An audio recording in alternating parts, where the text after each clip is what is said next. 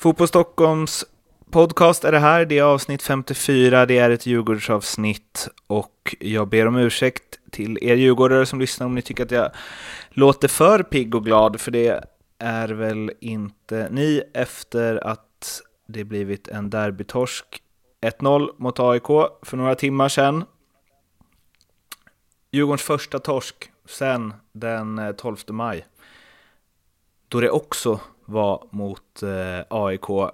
Mellan där 11 segrar, två oavgjorda, tre insläppta mål. Fantastiskt facit och du och jag, Oskar, ska ju bryta ner det här lite varför den sviten sprack.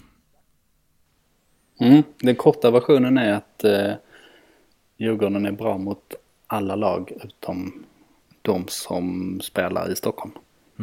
Men vi ska väl hålla lite längre kanske. Vi ska hålla det lite längre. Först ska vi dock säga tack till NordicBet som är sponsor till Fotboll Stockholm och har en egen podcast som heter Ljugarbänken där jag, Mattias Lindström och Lasse Nilsson snackar allsvenskan i stort. Så tycker ni att eh, det låter intressant så är det bara att leta rätt på den där poddar finns. Ni söker på Ljugarbänken och ge det en chans, väl värt lyssning om jag får säga det själv. Jag är i och för sig part i målet, men strunt samma. Tusen tack NordicBet för att ni är med på Stockholm. Vi ska som sagt eh, bryta ner den här matchen lite mer utvecklande, men först en, en glad Djurgårdsgrej, Oskar. Ja, man får väl gripa efter Halmstad här. Ehm, men eh, inramningen i och för sig gäller ju båda lagen. Men att det kommer 45 000 eh, åskådare till de här matcherna är ju så jäkla mäktigt. Och eh, tifot, det var inte så dumt. Det var inte så dumt. På Skansen finns schimpanser med långa bamburör. De jagar små gnagare och steker dem i smör. Avancerat rim också. Ja, en av de bättre man hört va? Ja, jag tycker det. Mm. Um, ja, det är ju rätt, eh, fan, tifoverksamheten alltså det tar, jag har ju varit med eh, Sofia Tifo en gång inför ett derby för några år sedan mot Djurgården och följde med i förberedelserna. Um, och då slogs man ju av eh, hur jäkla många som är inblandade i det och hur mycket det kostar liksom. Um, och eh, alla gör ju det eh, på sin fritid såklart. Så här, man hyr, hyr eller typ ta sig till eh, ishallar eller liksom gymnastiksalar och sånt och, och eh, syr och målar och håller på. Det hade ju varit kul om de som ligger liksom på, alltså själva konstnärerna hade fått någon cred någon gång. Det vet man ju säkert internt sådär men eh, det hade varit kul att lyfta fram det för det är ju konst faktiskt. Ja, verkligen. Eh, och kostar framförallt i tid kan jag tänka mig. Ja, det är många många, många arbetstimmar som, som ligger bakom det där. Svårplanerat också eh, med tanke på hur stora motiven är och mycket folk man måste involvera. Alltså alla som står på ståplats är inblandade på ett eller annat sätt. Mm. Ja, det är... Så vi får väl all... hoppas att inte de förbjuds av polisen. Eh, så långt har de väl inte tänkt att gå, men det har ju varit uppe på tapeten liksom. Det känns mm. ju som, eh, ja, om bengalerna är en symbolfråga så känns ju tifot nästan ännu mer laddat. Liksom. Det är ännu mer laddat ja. Mm. Herregud. ja. Men dit ska vi inte. Det här skulle vara en positiv grej, Oskar. Ja, just det. Sluta. Ja, nu ska vi prata om tråkiga grejer för djurgårdare i alla fall. Matchen, som sagt. 11 segrar, 2 avgjorda, 3 insläppta mål sedan den 12 maj då Djurgården förlorade 2-0 mot AIK. Vajo hade 33 matcher utan förlust som keeper i Djurgården och Marcus Danielsson hade inte förlorat i år. Nej, jag skrev en krönika om den här matchen också, att han har inte gjort ett misstag sedan det var minusgrader. Um, och... Men nu var det dags. Ja, nu var det dags. Nu var det först en sån här riktig indianare när han slog upp en, eh, liksom en, ett hopplast. Jag hade väl tänkt att de skulle spela ut till Aslak från Vittrö, de bara landade i mitten på AIKs offensiva planhalva där Elionossi kom, kom rättvänd. Ehm, den situationen redde Jakob Uno Larsson upp. Men sen efter det gjorde han ju den här eh, eh klumpiga tacklingen på Henok Goitom. Och eh, ja, det är ju så liksom. hamnar man i underläge mot AIK eh, i derbyn som AIK vet precis som man ska göra. Då är det ju svårt helt enkelt. Den typen av missar har man inte råd med. Eh, det var ju en, eh, ja det var väl där matchen avgjordes helt enkelt. I den tacklingen. För det finns ju en statistik som går i motsatt riktning än allt det vi precis sa. Och det är ju att Djurgården inte vunnit ett allsvenskt derby mot AIK sedan 2011. 16 raka utan vinst. Eh, Tolle sammanfattade det efteråt med vi var inte tillräckligt bra idag helt enkelt. Våra mittbackar knappt satt en fot fel hela säsongen. Sen kommer de båda snett på det här. Underläge mot AIK är inte lätt och vi räckte helt enkelt inte till. Varför mm. räcker inte Djurgården till under 16 raka matcher mot AIK i Allsvenskan? Nej, det är klart det finns en mental faktor där. Sen så har, menar, sen har ju spelartrupper och ledare och, allt sånt eh, bytts ut liksom, så man ska inte, man ska nog inte överdriva heller liksom. Alltså det är inte, eh, det är inte totalt låst liksom för vissa spelare som inte kan liksom. Men det är klart att det spelar roll. Eh, och det kändes ju lite som att Djurgården som har haft det här, vi pratat om det, att, att eh, bollen gör jobbet. Eh, att, att spelet har kommit så mycket per, eh, nästan per automatik. Att det bara liksom sätt igång det så börjar det snurra. Eh, sätt, igång, sätt igång bollen och passningsspelet med några, med några kor, kortare passningar och sen så eh, kommer möjligheterna uppstå. Eh, för att alternativen finns på lite olika sätt. Eh, och den här, den här gången kändes det som att de, de kände efter lite för mycket. Alltså de de hade ju eh, ett, ett oerhört stort bollinnehav. Eh, vi pratade om det förra i AIK-avsnittet här, men det var väl 75 procent eller någonting eh, på bortaplan. Vilket är extremt, men det, men det kändes ändå som att de, ja det var ju, det saknades ju de här löpningarna, det saknades farten med bollen, alltså det, det bygger på att man har fart om man ska slå ut ett lag som, som AIK som, lig, som alltid ligger lågt med sin fembackslinje och sitt centrerade lag. Um, och där fanns liksom en tvekan. Um, då kom inte de här uh, djupledslöpningarna till exempel, så man kanske bara måste ta ett gäng liksom för att sätta igång det hela. Um, och det vet jag inte om det var liksom lite försiktighet som kom in där. Och sen som sagt med den straffen och det underläget då, eh, då är det ju svårt helt enkelt. Men eh, det här, för du skrev ju i körschemat, eh, kände efter för mycket, vågade för lite. Och den grejen tänker jag att även om man inte har varit med under de här tidigare derbyna och spelare och ledare bytts ut och så, så kan väl sånt smyga sig på ändå. Att det här, alltså dels är det ju en match som gäller mer än alla andra matcher för supportrarna. Eh, men också att det, alla vet ju och det pratas om det, även om det inte nöts lika mycket nu som det gjorde för, för någon säsong sedan. Ehm, men jag tänker att det kanske inte spelar jättemycket roll hur, hur ens historia i Djurgården ser ut för hur det mentalt påverkar hela laget. Nej, Nej jag tror också att det är en faktor. Mentala, mentala faktorerna spelar alltid stor roll. För alltså att här, tänka på att man inte ska tänka på det är ju ja, också precis. att tänka på det. Precis, och liksom varför gjorde alltid eh, Manchester United mål på övertid och, och, så, och så vidare. Jo, för de vet ja. att de kan göra det. Ja. Och då tänker de att de, de ska göra det. Exakt. Um, nej, det är en uh, nöt att knäcka uh, helt enkelt. Jag tror, tror inte du och jag ska försöka, försöka lösa det helt och hållet. Nej.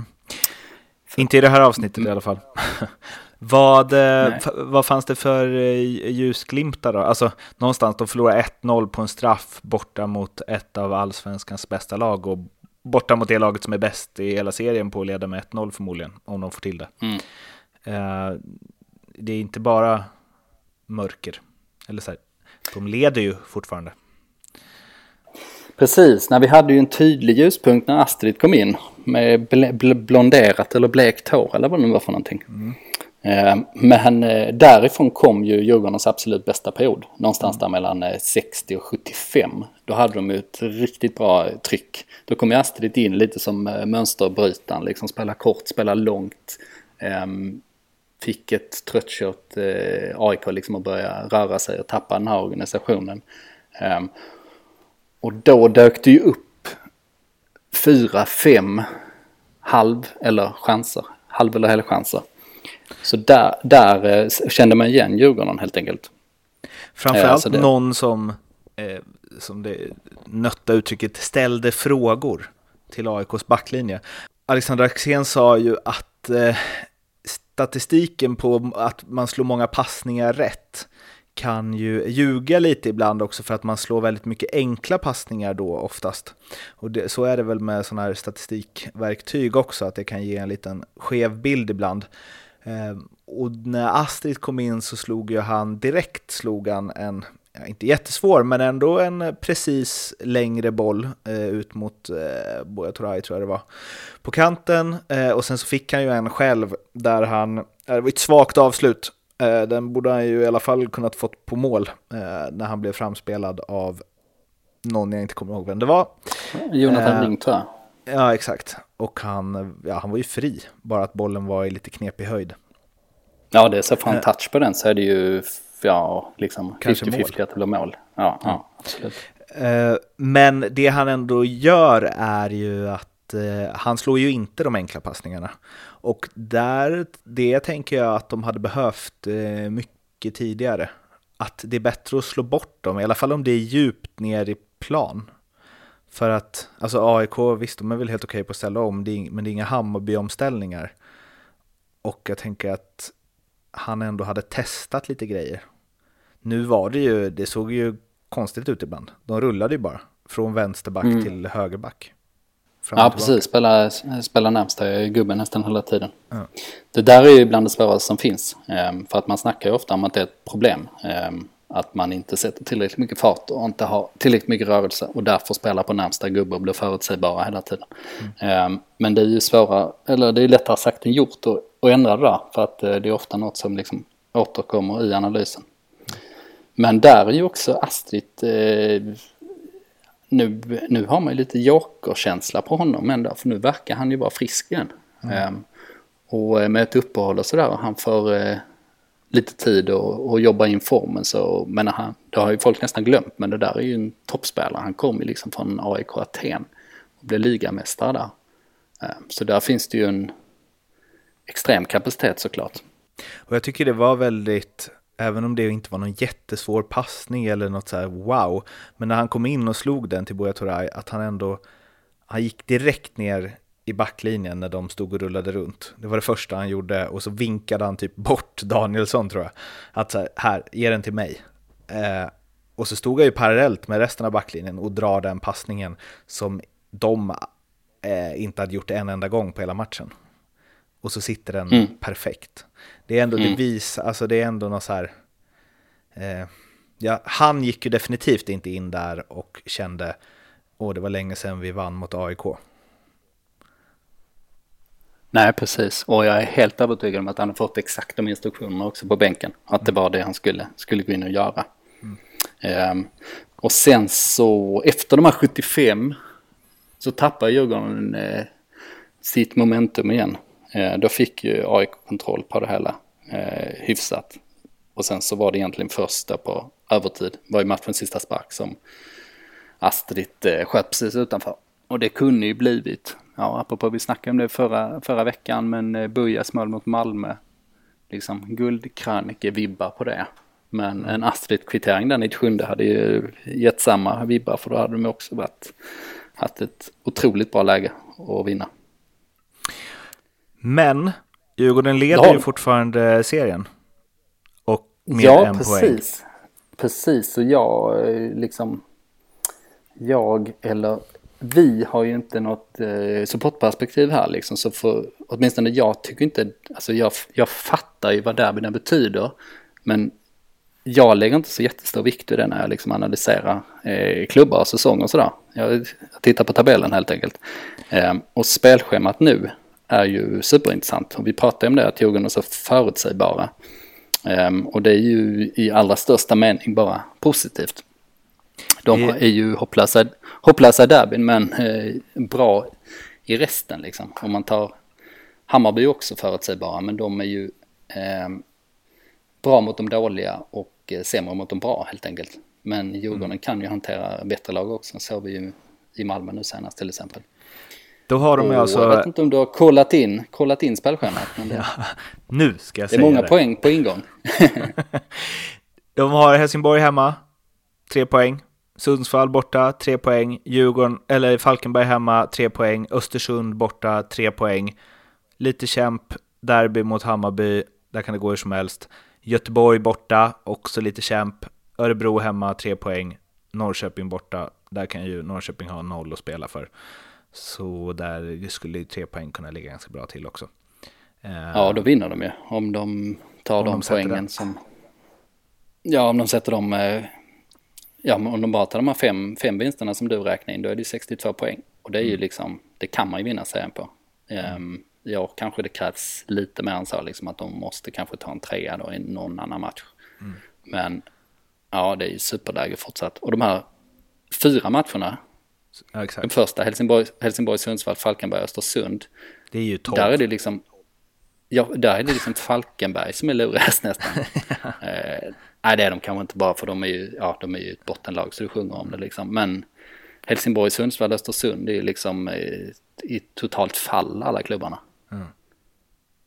Det är, normalt sett kan det vara, är det ju ett klurigt spelschema med två matcher i eh, Norrland och liksom Helsingborg mm. kan vara kluriga men eh, nu är det inte alls så. Liksom. Det är ju Djurgården ett topplag som vet vad de vill och är i en bra position eh, rent allmänt eh, och emot de här klubbarna som har fritt fall som sagt på, av olika anledningar. Däremot, däremot tror jag att de hade gärna skippat landslagsuppehållet och bara kört mot de här lagen. Ja, det så tror att de inte får två veckor åtminstone försöka få ihop någonting av de kaoshögar som de är just nu. Ja. Mm. Så är det. Etta i serien, Djurgården. Ja, så är det. Det var det för eh, det här Djurgårdsavsnittet och vi fnular lite på, vi ska väl ha någon konferens om huruvida vi ska eh, spela in avsnitt även under landslagsuppehållet. Vi får se hur det blir med det. Eh, vi kommer åtminstone att spela in ett avsnitt den 17 där, efter att Djurgården har mött Helsingborg i omstarten. Så om vi inte hörs förr så får ni ha det så bra tills dess. Hej då! Hej då!